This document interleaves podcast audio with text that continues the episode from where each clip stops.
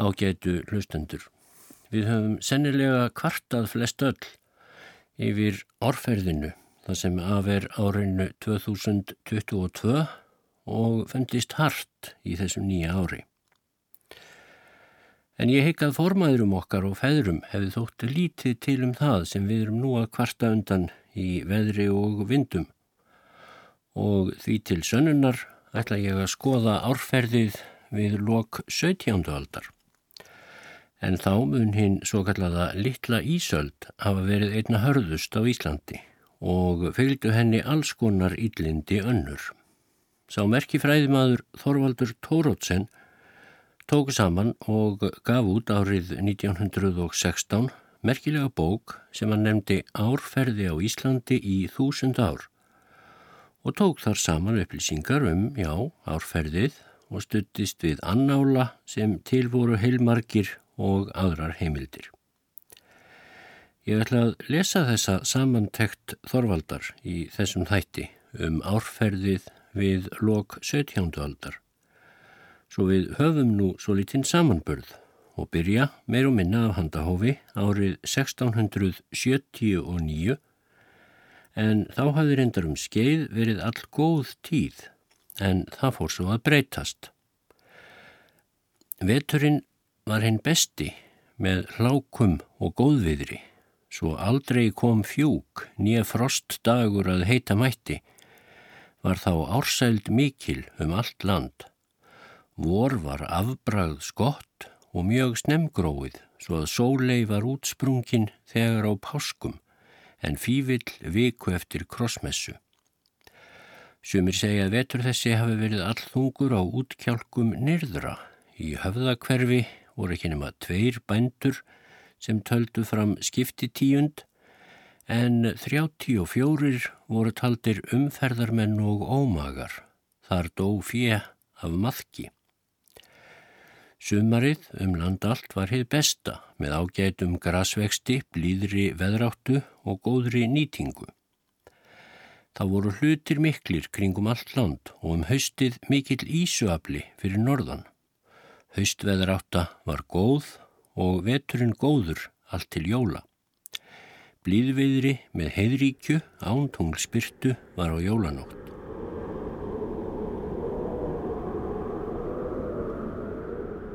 En 1680 þá harnaði vetur eftir jól hljóp upp á úr jólanótt með fjúki, hríð og harðviðris frosti miklu og var það svo til einmánadar að fáir dagar voru fjúklausir til kvölds. Voru þær hríðir stundum sex eða átta, tíu eða tólf daga samfleitt. Á Vesturlandi var þó betra árferði og nægilegur afli í Bjarnegjum og við Norðurland en mjög fisklítið siðra. Veðráttan batnaði með einmánuði en þó fjell sumstaðar fjö og var skorið vegna heileysis. Hafís rakinn á breyðafjörð um veturinn, daginn fyrir kindilmessu, svo fjörðurinn var því nær allur fullur. Ekki varð róið tvo eða þrjá daga til eigana á fyrðinum. Ísin hræðist þó allur sundur þegar frá leið. Þá myndu ekki eldstu menn að Hafís hefði komið inn á breyðafjörð og hann þekktist ekki af þar uppöldu fólki. En sumarið var gott og heiskapur í betralægi, haustið gott og veturinn í meðalægi til jóla, fjúkrýð jólanóttina úr meinlausu veðri og hartum jólinn til nýjárs.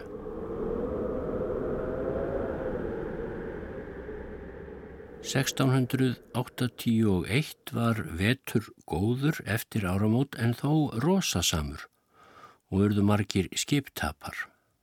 Hlutir voru litlir, síðra og eistra, en all góður afli var vestra og nýrdra. Vorið var gott og hlýtt og spratt vel gras. Sumarið var gott og heiaðist vel, haustið gott og vetur til jóla, fagurt veður og kyrt um jólanóttina. En sótt mikil gekk hins vegar norðanlands og dóu margir, eldri sem yngri. Sagt er að 120 manns hefur látist úr sóttinni í skaga fyrir einum. Kom sóttinum vorið í fljót og dóðu þar næri 40 manns og gekk sóttinn svo norður eftir sveitum þaðan, lágu margir stutt þeir er dóu.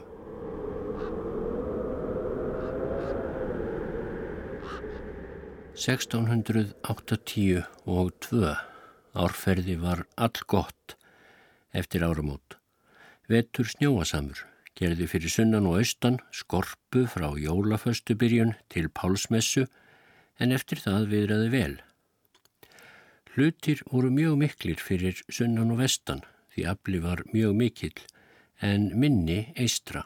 Vorið var þurft með kuldanæðingum af norðri, grasvöxtur varði í minnalagi. Sumarið var gott og þurft, heiskapur í meðalagi en nýttist vel. Haust víðast gott og þurft en vestra var það vott og stórviðrasamt og fjallu þar margar skriður. Vetur öndverður var mjög vindasamur. 31. oktober að liðnum degi kom vindbílur snögglega og ógnarlegur úr út suðri. Gekk það veður langan tíma fram á kvöldið en lengdi svo snögt og hljópt til út norðurs með drífufalli.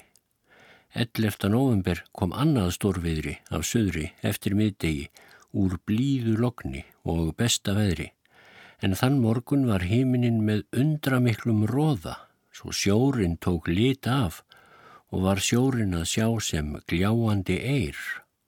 Þá rögtust skip úr fljótum og eitt fórst. Nokkru síðar komin á Haganesvík í fljótum Hafísjaki, einstakur og ákaflega mikill, svo sem kaupskip væri, og stóð jakin í botni þar í víkinni nokkra stund og rakst svo burt aftur.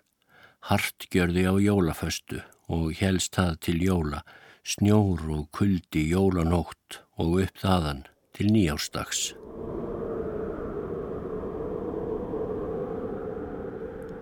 (1680 og þrjú) var veturinn framann af rosasamur en frostharður þá á leið. Á Norðurlandi var veðráttan umhleypingasum með hlákum, stórviðrum og þýðviðrum út þorran en með góðu komu snjóar og harðindi. Á vestfjörðum var víða heilust þegar á páskum og vorið var þar hart svo flestir feldu af fjesínu kringum Ísafjörðardjúb. Sökum harðarar veðráttu komust skip þar eigi á sjó fyrir nú krossmessu var á vestfjörðum fiskur nógur framanaf en þó í minnalagi þegar framáleið. Föstu daginn seinastan í góðu kom stórviðri mikið sem menn vestra kalluðu Tyrkjabil. Hafís rakað Norður og Vesturlandi á einmánuði og lág hann fram til Þings við Norðurland og sá hverki út fyrir hafísin af hæstu fjöllum. Eftir sömarmálin rak hafísin að austan allt í Grindavík og hindraði róðra.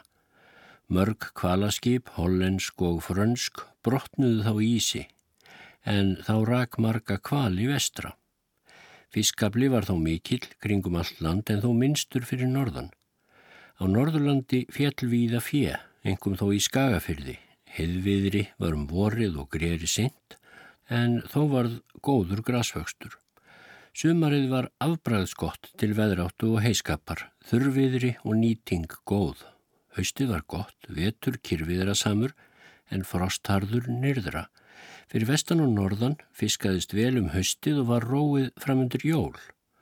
Afbræðs gott veður var jólanóttina með hrímfrosti, heiðríkju og tunglskinni og helst það veður til nýjárstags. 1684 var gott veður á nýjárstag, vetur upp þaðan ágætlega góður viðast um landið og framanaf með hrímfrostum og staðveðrum. Á vestfjörðum kom mikið snjóa í kast á góu og leisti upp aftur á einmánuði. Á Norðurlandi komu með góu þýðviðri og hlákuvindar og gengu oftast taðan af. Þess á milli kom snjóföl með hægviðri. Föstu daginn síðastan í góu kom svo óurlegt veður af söðri með regni og leysingum og gekk allan þann dag og nóttina eftir. Fiskabli var þá frábær kringum all land svo menn mundu ekki aðra eins hluti og var róið nálega allan þorra fyrir Norðanland og var mikill fiskifengur kvarvetna. Þennan vetur kallaði alþýða mannaðum Suðurland og víðar hlutaveturinn mikla. Á breyðafyrði var líka stórkostlegur fiskigangur. Í bjarnegjum voru fiskikassirnar seldar í hópakaupum og góunni. Fiskurinn barst þar svo á land á góu og þorra að ekki varð undan borið hjá sömum.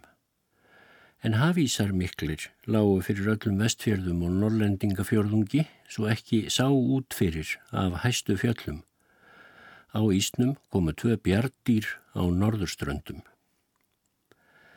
Vorið var kallt og síðgróið og sömarið gras lítið siðra en betra fyrir norðan. Þó gott árferði var í annar staðar þá voru mikil harðindi fyrir norðan Jökulsá í Aksarfyrði á Tjörnesi, Melrakkasléttu og Langanesi og í öðrum nálægum sveitum. Þar flosnaði fólk upp hópum saman af bjargarleysi og lág við að heila sveitir myndu eigðast og fólkið allt deyja úr hungri. Sökum þess að hafísinn hafði leið þar árið áður, allt til miðsumars við norð-austur kjálka landsins, þá hafði gróður og heiskapur orðið þar mjög lítill og hafði menn þegar mist tölvert af peningi sínum haustið áður og orðið að skera hann sér til bjargar. Því eigi var þar þessi ár róið vegna Ísa, nema með mestu hættu og fyrirhöfn. Svo mennur það draga skipin yfir Ísin en það sem fiskaðist, það maðkaði og varð óætt. Af þessu liti á þessum vetri í þessum norður sveitum mikil harðundi, felli og hungur. Þótt tíð væri góð annar staðar á landinu. Haustið var í meðalagi, þá rak mikla sem er kalluðu marðvöru. Um ymbrudaga kom hrett en veturinn var góður allt fram á jólaföstu en þá verðu mikil frost. Minnlaust veður var þó þygt og dimt á jólanótt og við líkt upp þaðan til nýjárstags.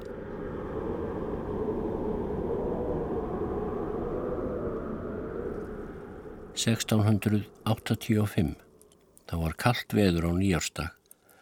Þá var vetur snjóa lítill með miklum áhlaupum. Vetur þessi var kallaður mannskaðavetur. Þá voruðu mannskaðar óurlegir á góðþrælnum 9. mars. Sjöskip fórust á Stafnesi, þrjú í Garði og voru þar með tveir teinæringar. Flestir sem fórust voru útróðurar mennað norðan og margir valdir skorti einn á hundrað sem þar druknuðu. Fjórir teinæringar týndust í vestmannegjum og á þeim 52 menn. Teinæringur týndist á Eirarbakka með 11 mönnum og sexæringur fórst á Tjörnesi. Alls týndust 136 menn og er mælt að 19 skiptapar hafi orðið þetta ár og týndist meira en hálft annað hundrað manna alls.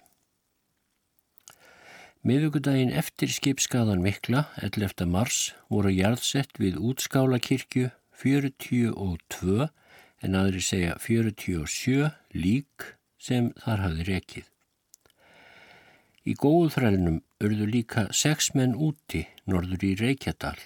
Hlutir voru þá í meðalagi en loftið var hart því hafísar kom á einmánuði og lágu til höfudags nyrðra. Hollenskar duggur urðu víða að leggjast á land til að verja sig broti, norðanskip koma á austfyrði og letu út aftur undan Ísnum, komstum sumarið aðeins eitt skip inn á Akureyri en hinn urðu að snúa við vegna hafísa og fóru aftur til útlanda. Fjöldamörg frönsk kvalaskip brotnuðu þá í Ísnum en skipshafnirnar rögtust lengi á bátum sínum og komust sumir til lands, kvaldir og kaldir af hungri og frostum. Sækir Ísins varð eigi róið þar nyrðra og varð fiskafli þar með minsta móti. Og það er kannski rétt að skjótast inn í þennan lestur til að upplýsa að hafi um 250 manns farist á sjó árið 1685 þegar Íslendingar hafa verið í hæstalagi 40 til 50 þúsund þá jafngildir það því að á vorum dögum myndu hátt í 2000 manns farast í sjónum. En það var komið fram á sumarið, þetta skjelvilega ár 1685. Þá var þerri sumar, graslítið, engum fyrir norðan og vestan. Þó var þar mjög góð veðráta. En heiskapur var í minnalagi og var þá sumstaðar hart millir manna. Vetur var góður til jóla, heiðríkt veður og fagurt á jólanóttina og um jólinn allt í nýjárstags, en heiðríkt veður með frosti var á nýjárstaginn sjálfan, 1686. Vetur var upp þaðan góður, nyrðra, með hægviðrum og snjóleysum, en síður á vestra voru frost og snjóar miklir, helst ofarlega í borgarfyrði. Um miðjan vetur kom fimm daga drífa í borgarfyrði og þingvallasveit, svo hross fendi á sléttu, var mæld þryggja áluna þygt snjóarins á sléttum velli, komist með ney til fjárhúsa nema skrýðandi. Yfir Dalasíslu og strandir gekk snjókoma þessi líka en var þar miklu minni. Miðugudaginn síðastan í vetri gjörði stórkostlegt norðanveður með mistri og sandfóki gekk það sumardag fyrsta og til laugardags. Setni hluta vetrar voru siðra þýðvindar og hlákur, vorið var kallt framanaf en batnaði er áleið og spratt vel. Hlutir voru þá miklir sunnanfjáls og fyrir vestan í meðalægi á Eirarbakka og Þorláshöfn, eistra voru litli hlutir fyrir söndum í Myrdal og Vestmanhegjum. Tók þar nú mjög af fiskigang og varð lítið um fiskluti lengi síðan. Þá var gott sumar og heiaðist í betra lagi. Um höstið var veðrátt að stópul og hrettviðra söm. Var þá allmikill fiskur fyrir norðan land. Vetur var í meðalagi til jóla, dimmiðri og væta jólanóttina og jóladaginn. Á nýjástag 1687 var fjúklegt Veturinn var góður fyrir sunnan en styrður fyrir norðan kom allmikið snjór eftir 13. og lág lengi sumstaðar. Hafís kom nyrðra og í austfjörðu, allt söður í hornafjörð. Hlutir voru mjög litlir eistra, í minnalagi síðra en all miklir vestra. Vorið var kallt með náttfrostum og norðan næðingum og varði lítill grasvöxtur. Sumarið nyrðra var í meðalagi að veðráttu og heiskap en votviðra samt síðra, um haustið var vindasamt með votviðrum, veturinn í meðalagi til jóla. Heiðuríkt veður með hægu frosti. Án tungspyrtu var jólanóttina, snjóasamt um jólinn til nýjárstags en þá var útsýningsveður. Veturinn var harður með fjúkum og frostum af öllum áttum, áfreðum og hagaskorti, fjell víða peningur, einna mest á vestur mýrum. Stór kavald gerði um krossmessuleitið um vorið með stórviðri á norðan og stóð það í viku. Kringum jökul frusu hestar þá hópum saman til bana og verðu víða miklir fjárskaðar. Fér rættist á krossi á skarðströnd út að melum og þar út í sjó og rak svo dögt út um allar langæjar. Í Myrdal hrakti víða og fendi fjö.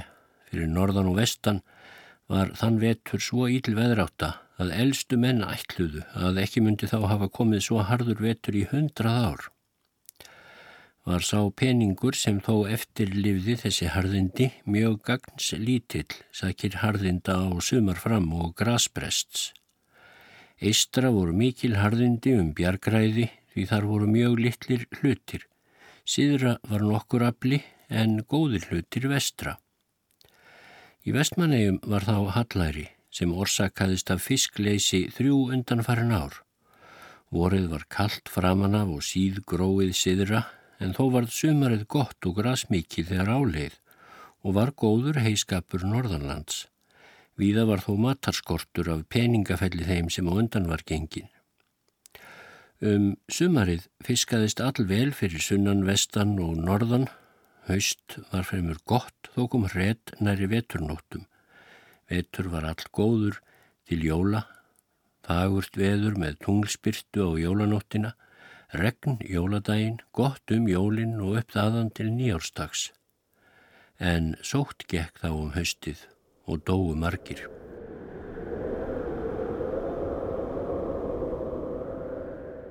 Nýjárstægin 1689 var fagurt veður og heidríkt, veturinn var síðan í meðalægi en misjafn nokkuð um landið. Þó árferði væri engan veginn slemt.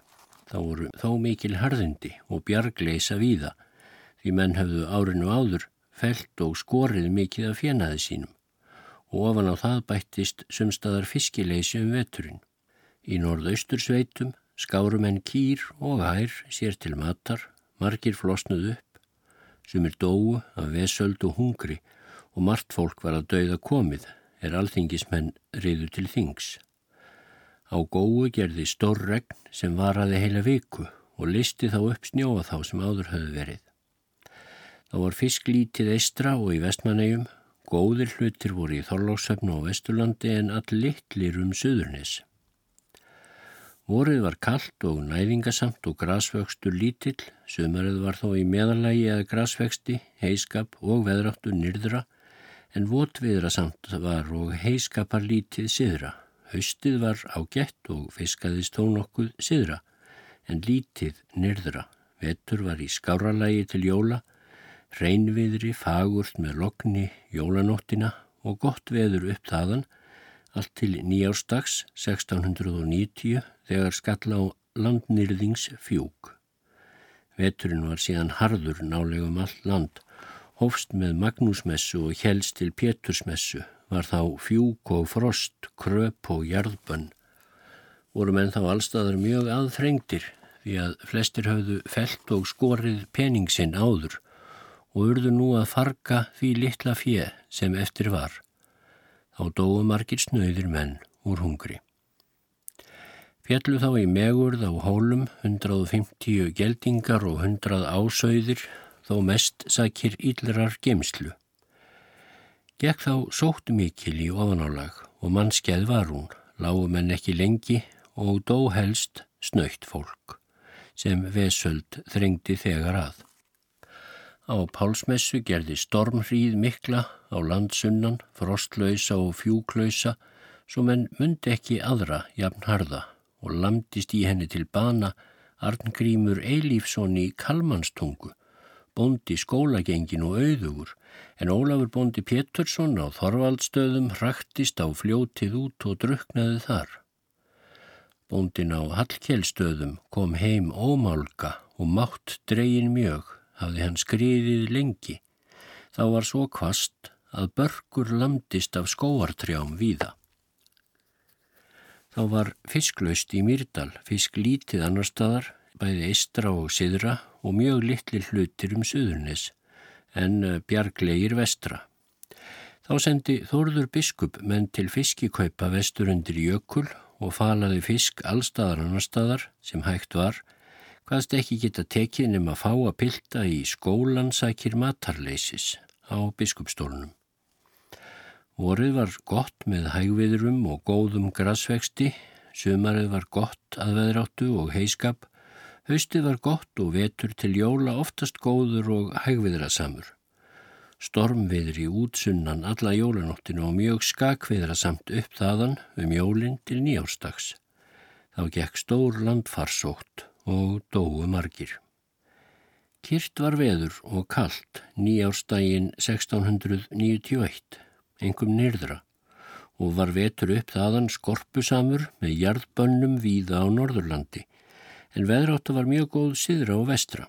Hlutir kringum jökul og siðra voru í meðalagi en nær engir austan þjórsár og var þar mikill skortur eistra þá hlupa á landa á Altanissi 130 hundruð fiska. Vorið var gott og þurft og grasvöxtur í meðalagi, sumarið var stópult og votviðrasamt og nýttist heiskapur misjaflega, best nyrðra en lakast eistra. Höfuðdægin 2009. ágúst sem var laugardagur kom að kveldi ákaflegt að regna af söðri og gekk upp þaðan sjö dægur samfleitt svo að aldrei varð rof í regnið. Af því hlupu fram ár og lækir á Suðurlandi með afbærum vatnagangi. Gjörði Ölfusá undra mikla heiskaða báðu megin og lags á í kjós voru rastir all miklar af hegi því sem hún hafi kyrt í sjóin, vestur um fiskleitir seltirninga Þá róið var eftir hríðina, svo alla gáttu þeir lagt lóðir sínar og víða drápu hei til skemda. Regn þetta kom aðeins siðra og söðvestra en alls ekki fyrir norðan og vestan, ekki heldur í borgarfyrði. Haustið var vindasamt framan af en gott og kyrfiðrasamt með þokum og sjókjeftum þegar áleið. Veturinn var góður og hægviðrasamur til jóla. Fagurt veður með tunglsljósi var á jólanótt og gott um jólinn til nýjárstags 1692 þegar fagurt veður var og heiðríkt. Veturinn var svo góður með lognum, frosti og helufalli til kindilmessu en þá brá til harðunda. Þriðju daginn fyrstan í góu eða 16. februar var grimdarfrost með norðan stormi og helst það alla þá viku, þá lagði víkur og fjörðu Svo ríðamátti af framanverðri skarðströnd á skóarströnd en kvalfjörð lagði alltaf kvaleiri og ekki var skipfært millir Sörbæjar á Kjallarnissi og Indraholms á Akranissi. Ríðamátti og út í Drángei á Skagafyrði og kvalur fannst á miðjum húnaflóa, hálfa þingmannaleið frá landi og farið var með klifja hest af Siklunissi innum fyrði og á sjó allt inn til Möðruvalla. Þá kól marga menn til döðs á ýmsum stöðum.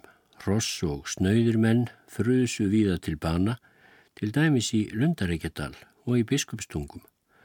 Áltir lágu þá döðar við sjávarvíkur. Fengu þá margir menn tjón af felli á fjö og færleikum í borgarfyrði, en stór harðindi og peningafellir var fyrir austan og norðan og mikið fiskleysi fjall margt fólk úr harðrétti eistra. Óvíða varð róið um veturinn sækir Ísa og á páskum var nær engin fiskur fengin siðra. Var því fisk lítið eistra og siðra fyrir ofan fjall og um öll nes en hlutir í meðalagi vestra. Þá var róið af skarðstrandaregjum framanverðum Einning var róið um haustið frá skóarströnd á Breiðasund sunnan Rapsei og einning frá söður Skartstrandaregjum. Árferðið batnaðurlóks í femtu viku sumars og varð vorið gott og grasvöxtur góður og mikill heiskapur um sumarið þá fiskaðist vel norðanlands. Haustið var vott og vindasamt, vetur í betralægi til jóla, gott veður jólanóttina tunglspyrtu löst og þaðan af til nýjárs 1693 þegar var fagurt veður. Veturinn upp þaðan var afbræðs góður um land allt, svo aldrei kom fjúkdagur, torf var rist og stungið á þorranum. Snjór sást hverki á góu nema í fjallalautum. Þá gauðs hekla með miklu sand og vikrafalli, þar sem sandurinn fjall kom um sumarið stargresi hátt og mikill var það slegið og komað góðu gagni. Ekki þótti fjennu ganga vel að býta grasið því það þótti segt en af því mjölkaði fjeð þó mjög vel.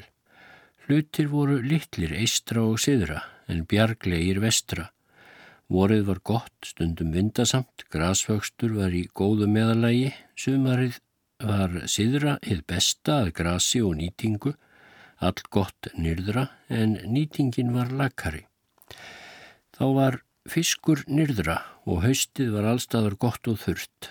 Af sandfallinu kom hins vegar gattur nokkur í söðfið. Vetur til jóla var í skáralagi, regn og væta jólanóttina án tungspyrtu, votsamt aðan um jólin til nýjárstags 1690 og fjögur. Þá kom fjúgslepja, regn og rosar um miðjan vetur en harnaði með kindilmessu og gjörði frost og fjúk mikil, svo margir menn urðu úti, en marga aðra kól til meðsla. Batnaði þetta veðurlag nokkuð eftir marjumessu á langaföstu.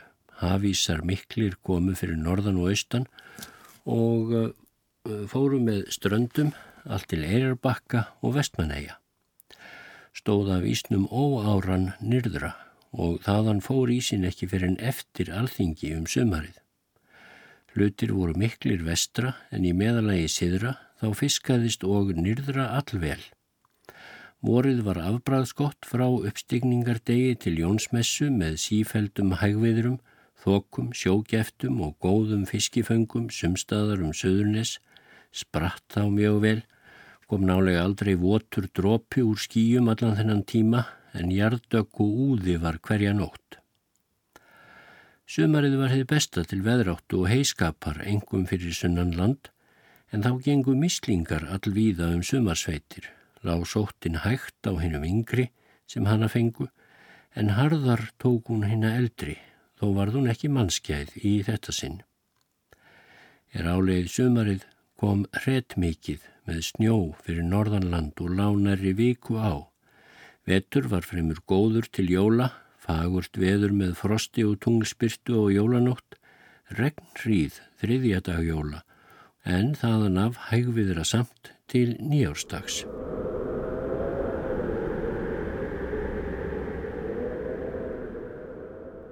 Útsunnan hægviðri var nýjárstaginn 1695.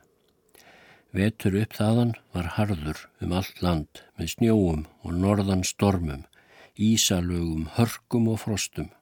Kom hafís fyrir norðan og lá fram um þingdaga um sömarið. Norðan veður ráku ísin austur yfir og svo söður og var hann komin fyrir Þorlókshöfn fyrir sömarmál og sunnudaginn fyrstan í sömri, 14. apríl, þá rak hafísin fyrir Reykjanes og Garð og inn á fiskileitir seltirninga og að lokum að kvalsegjum og í hítarás fór hafísinin á hverja víki í Faxaflóa og gangamátti á Ísum af Akranesi í Holmskaupstað.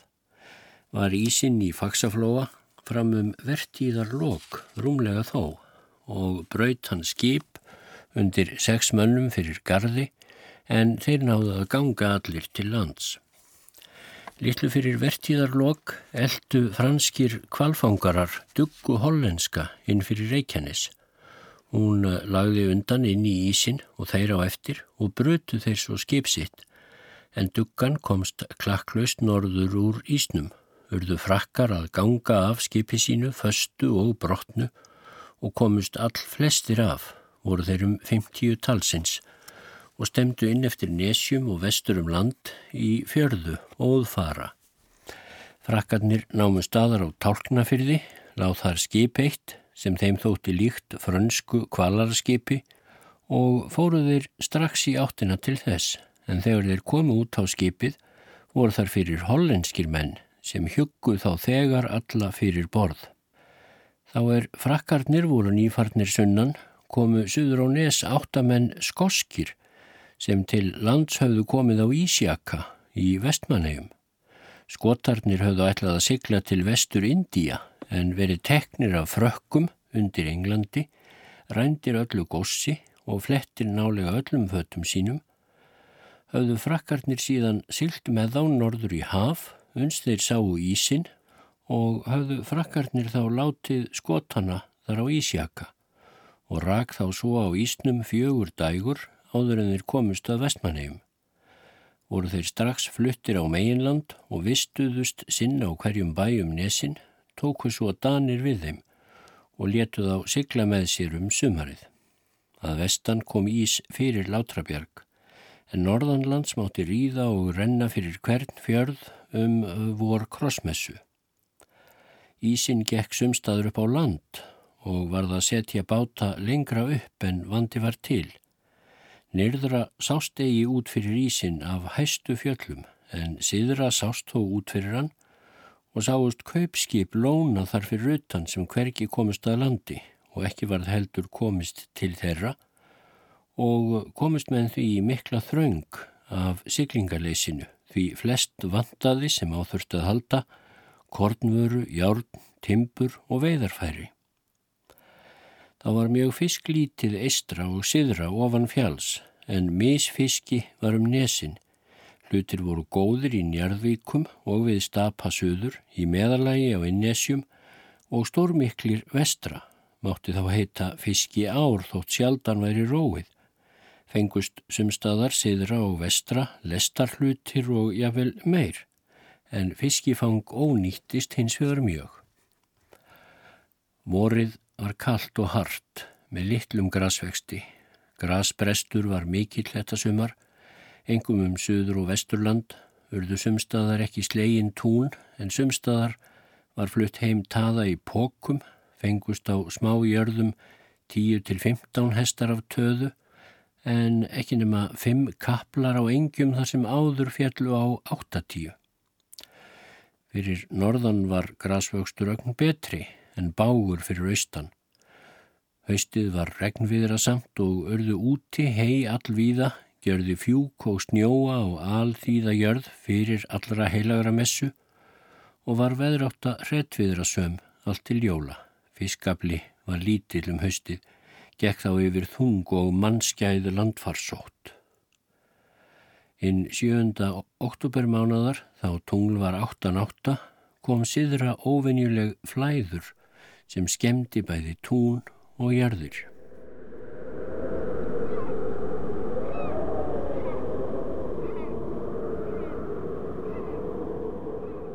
(1696) Þessi vetur var felli vetur mikill um allt land, svo enginn vissi slíkan hafa verið, síðan kvítavetur var þá naumast haldið kúm við líf og leit út til hins mesta mannfellis um allt land.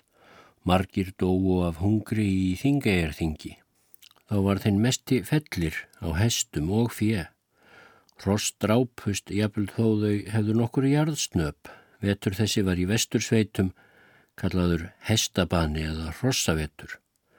Þá harnaði alvarlega með Martinsmestu en batnaði svo lítið á Maríumessu og Föstu. Á mörgum bæjum stóð korki eftir hross nýja sögður þegar upp var staðið. Þá var ogum vorið fiskleysi og litlir hlutir en matbrestur til landsins.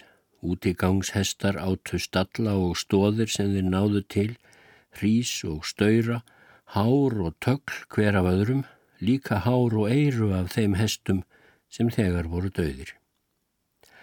Á þorraþrælnum urðu úti á Norðurlandi og í Breiðafjörðardölum 15 menn í norðan Kavaldi.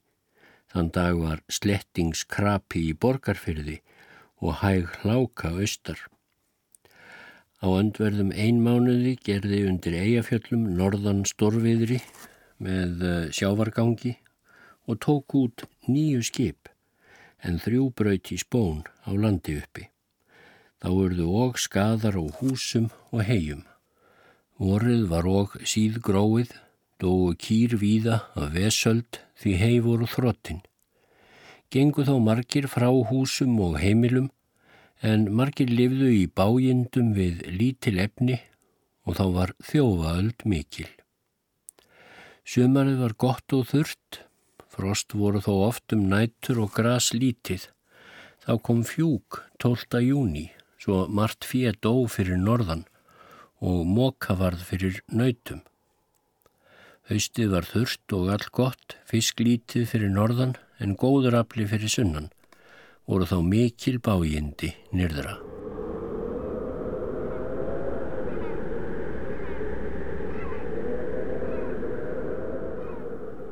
1697 vetur var góður, öndverður, en svo harður og frostasamur með miklum snjóum og áfreðum, lág ísvið land, kom á þorra fyrir norðan og var þá hvít storka yfir landi og sæ.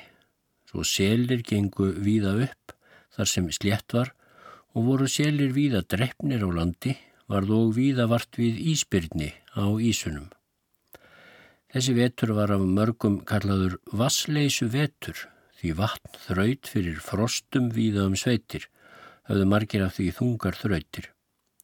Þá var 11 vikna samfleitt ílviðri á ströndum, svo fjega vegi út á jörð, en 14 vikur hafði þar jafn íld verið hið fyrra árið.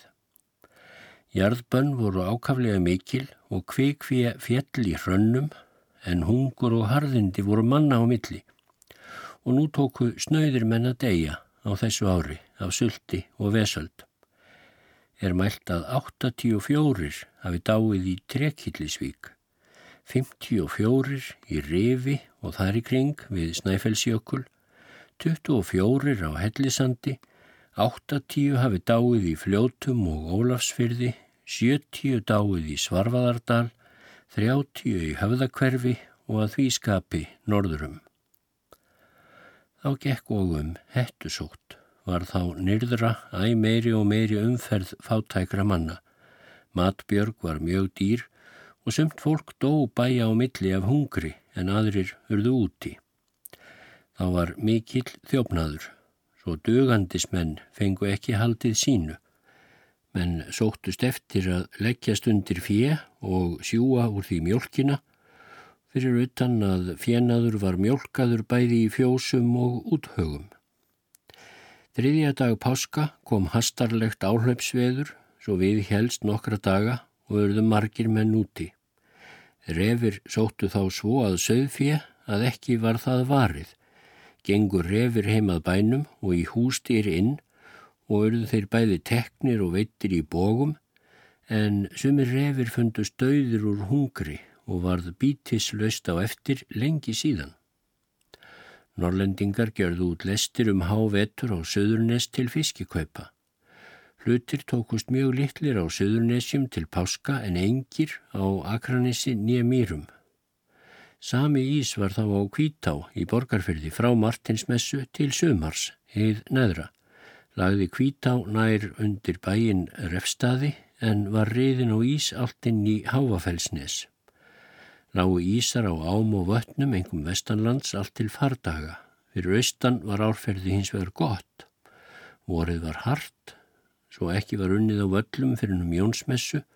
Sumarið þó gott en grasvöxtur lítill Haustið var kallt og snjóasamt. Veturinn 1698 var vetur ágæta góður, sjóki eftir bágar en þó fiskaðist vel siðra og vestra. Fyrir norðan var mikil hákarlatekja og líka rak smokkfisk. Þá dói margir, snauðir menn og var mikil umferð af norðalensku fólki um söður og vesturland. Þá var hinn mesta óöld af stuldum og ránum. Víðaðum sveitir voru brotnar upp hyrslur og hús og sögðir voru teknir úr fjárhúsum og þó þeir væri luktir inn í baðstofum er svo fátt var til þá voru þeir teknir þaðan en stundum voru þeir skortnir og skilið eftir höfuð, gærur og innibli, stundum var tekin mör einn úr þeim. Var umferð óbærileg búendum um þetta leiti, kom fjöldi að vestan og voru fluttir á einum degi úr Flatey og Bjarnegjum og Breiðafyrði 60 menn bjargþróta í land en margir dóu millir pæja. Þjóvar voru margir teknir og hittir sömur markaðir, menn og konur, ungir og gamlir, tveir þjóvar voru hengtir um sömarið. Sömarið var hlýtt og gott með mýbeiti miklu, grasvöxtur var í meðalagi, haustið var kallt.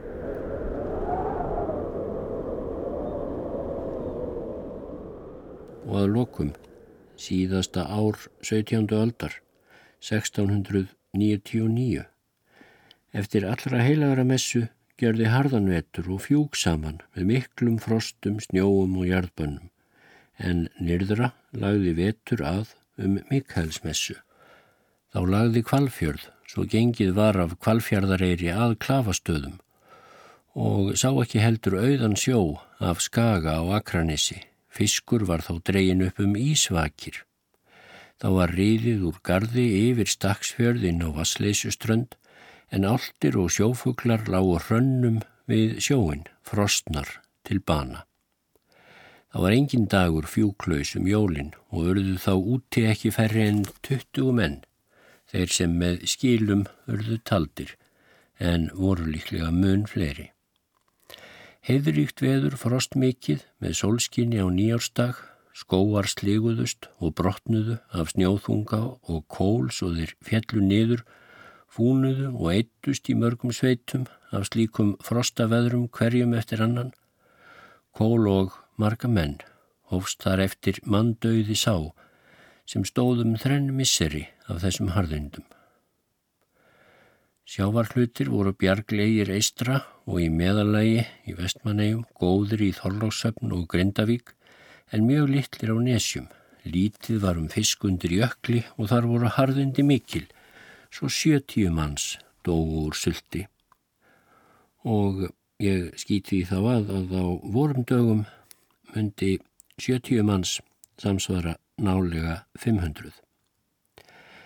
En áframheldur Þorvaldur, þann vetur lág kvítá í borgarfyrði upp undir Stóra ás en Skorradalsvatn lág frá allra heilagra messu til fardaga. Ís var fyrir Norðanland og engin þorskapli allt til þingdaga um sumarið en hákarla tekja var í meðalagi. Á ein mánuði rögtust til bana 40 hestar og 100 fjár á einum bæ sem heitir á Flögu, austur á síðu og víðar örðu fjárskadar af fjúk áhlaupum siðra. Sunnudagskvöld í miðjum Þorra fjall snjóflóð á reynivelli í kjós og tók af bæjarhúsin holl. Þar týndist Ottur Jónsson prófastur, merkur maður og sex mennaðrir en sjö fundust með lífi þegar til var grafið í snjóflóðið og var eitt sýstir prófassins, handlegsbrottin og hjælt á barni sínu. Hinn að sömunótt fjall annað snjóflóðað hurðarbaki, gagvart reynivöllum og tók þar af fjós með 13 nautum en heginn sakaði ekki. Í Káraneskoti lágu fjórar kýr og ein kvíga dauðar á básunum næsta morgun og á fremrahálsi dóu færleikar þrýr í hesthúsi sömu nótt.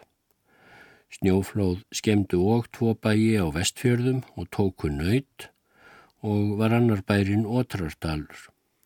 Ekki voru þann vetur á hólum nema 20 skólasveinar, sakir fiskleysis og harðinda almennt.